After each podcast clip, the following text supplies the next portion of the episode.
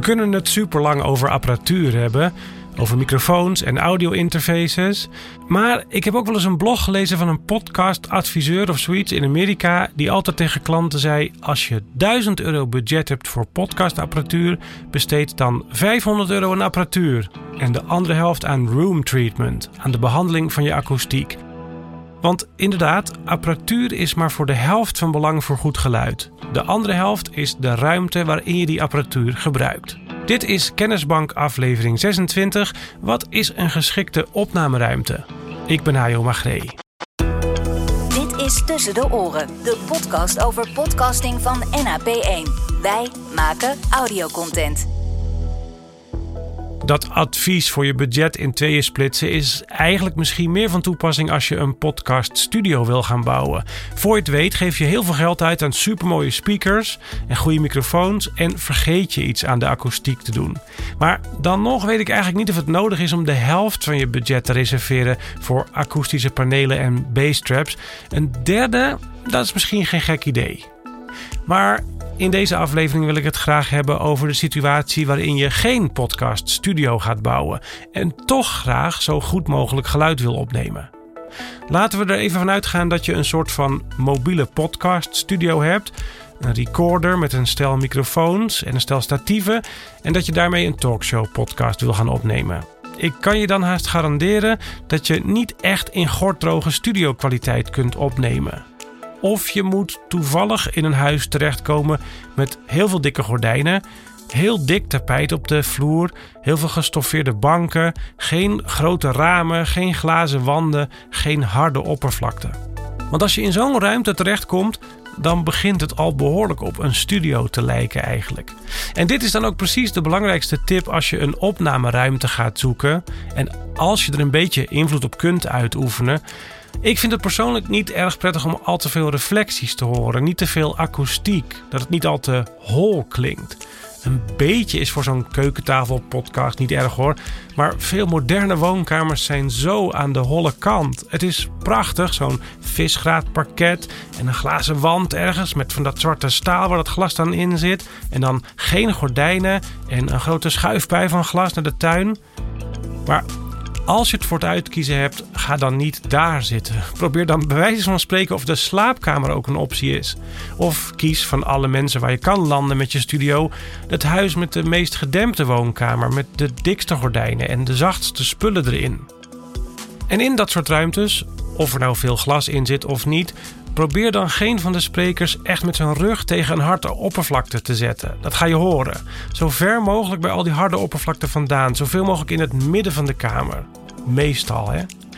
En wat in dit soort omstandigheden ook helpt, en dat heb ik al eerder gezegd, is goed dicht bij de microfoon gaan zitten.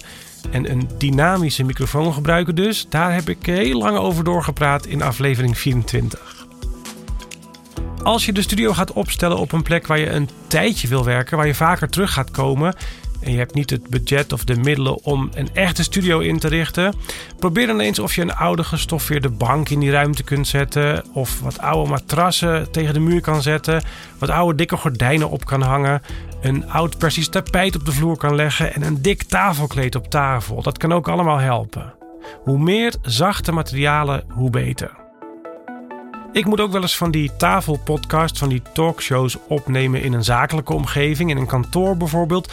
En dan vraag ik wel altijd om een ruimte met het minste glas erin. En als het even kan, misschien toch die bank of wat, wat, wat, wat leunstoelen of zo. Iets aan zachte materialen. Wat ook kan helpen is juist een wat grotere ruimte kiezen, zodat je wat verder bij die wanden vandaan kan blijven. Maar dat zou je even uit moeten proberen, want sommige vergaderruimtes die wat groter zijn, zijn dan ook weer net zo hoog dat er toch galmpjes in ontstaan. Dat heeft iets te maken met de combinatie tussen de lengte en de breedte en de hoogte en hoe lang geluidsgolven dan kunnen bewegen daarin. Um, moet je even proberen, soms door in je handen te klappen. Het is soms ook even een kwestie van een ruimte even betreden en zelf even goed luisteren hoe die klinkt. En een ander belangrijk ding om rekening mee te houden in een kantoor is hoeveel pratende mensen lopen er over de gang. Ik vraag meestal om een vergaderzaal niet bij de toiletten, niet bij het trappenhuis en niet vlak bij de kantine. Want vaak zit er in die zaaltjes niet zo'n hele dikke deur en pratende mensen op de gang, die zich dus niet ervan bewust zijn dat er aan de andere kant van de deur een opname plaatsvindt, die pratende mensen die kun je enorm horen soms in een podcast en dat kan enorm afleiden. Dan een manier om dit helemaal om te draaien. En dat is omgevingsgeluid juist onderdeel maken van je podcast. Ik heb wel eens een podcast gehoord waar gewoon aan het begin gezegd werd: hey, we zitten op zolder bij een van onze sprekers. Het is ontzettend warm, het is hier 30 graden boven.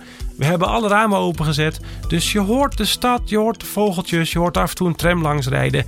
En als je dat van tevoren even benoemt en het geluid is niet knetterhard, dan is het ook eigenlijk wel lekker dat er zo'n sfeertje in zit. Dus als je het niet kan minimaliseren, dat geluid, dan kun je het ook nog ownen. Je podcast buiten opnemen is ook een hele goede manier om geen last te hebben van holle geluiden, van reflecties. Moet je niet net naast een muur gaan zitten of zo, maar over het algemeen heb je buiten gewoon geen objecten waar dingen tegen reflecteren. Je hebt over het algemeen wel flink meer omgevingsgeluid, met name wind in bomen en verkeer. En ook hier is de ene plek de andere niet. Een zacht verkeersruisje op de achtergrond is prima. Dat valt na verloop van tijd voor de luisteraar misschien ook nauwelijks meer op. Zeker niet als je het van tevoren even benoemt. Maar als er eens in de drie minuten een knetterharde brommer voorbij komt rijden, die het gesprek echt onderbreekt, dan wordt het heel irritant natuurlijk. Dan een tip voor als je voice-overs wil opnemen en dat niet kan doen in een echte gedempte studio, dan is de truc om gewoon domweg met een dekbed over je hoofd te gaan zitten. Dat is heel warm en onhandig, maar je opnameapparaat, je microfoon en je script en dat allemaal onder een dekbed, dat werkt fantastisch. Dan kun je eigenlijk in bijna elke ruimte kurkdroge voice-overs opnemen. Heel veel radiomakers hebben dit ook in coronatijden zo gedaan toen ze vanuit huis moesten werken. Het is wel heel warm. En een tip die ik zelf nog nooit heb toegepast, maar die heel goed schijnt te werken, is in de auto gaan zitten. Heel veel moderne auto's zijn heel goed geïsoleerd om al dat verkeerslawaai buiten te houden. En er zit in auto's heel veel stoffering. En de wanden zijn vaak scheef, dus dat vermindert alle reflecties nogal goed. En daardoor kun je in de auto soms heel goed voice-overs opnemen. Nou ja, en als je echt 100% controle wil hebben over je geluid, dan moet je natuurlijk een studio opzoeken, er een huren of je kunt er zelf een bouwen. Dat was het. Je kunt de informatie uit deze aflevering ook terugvinden in de podcast Kennisbank op onze website. Dit was Tussen de Oren van NAP1. Wij maken audiocontent. NAP1.nl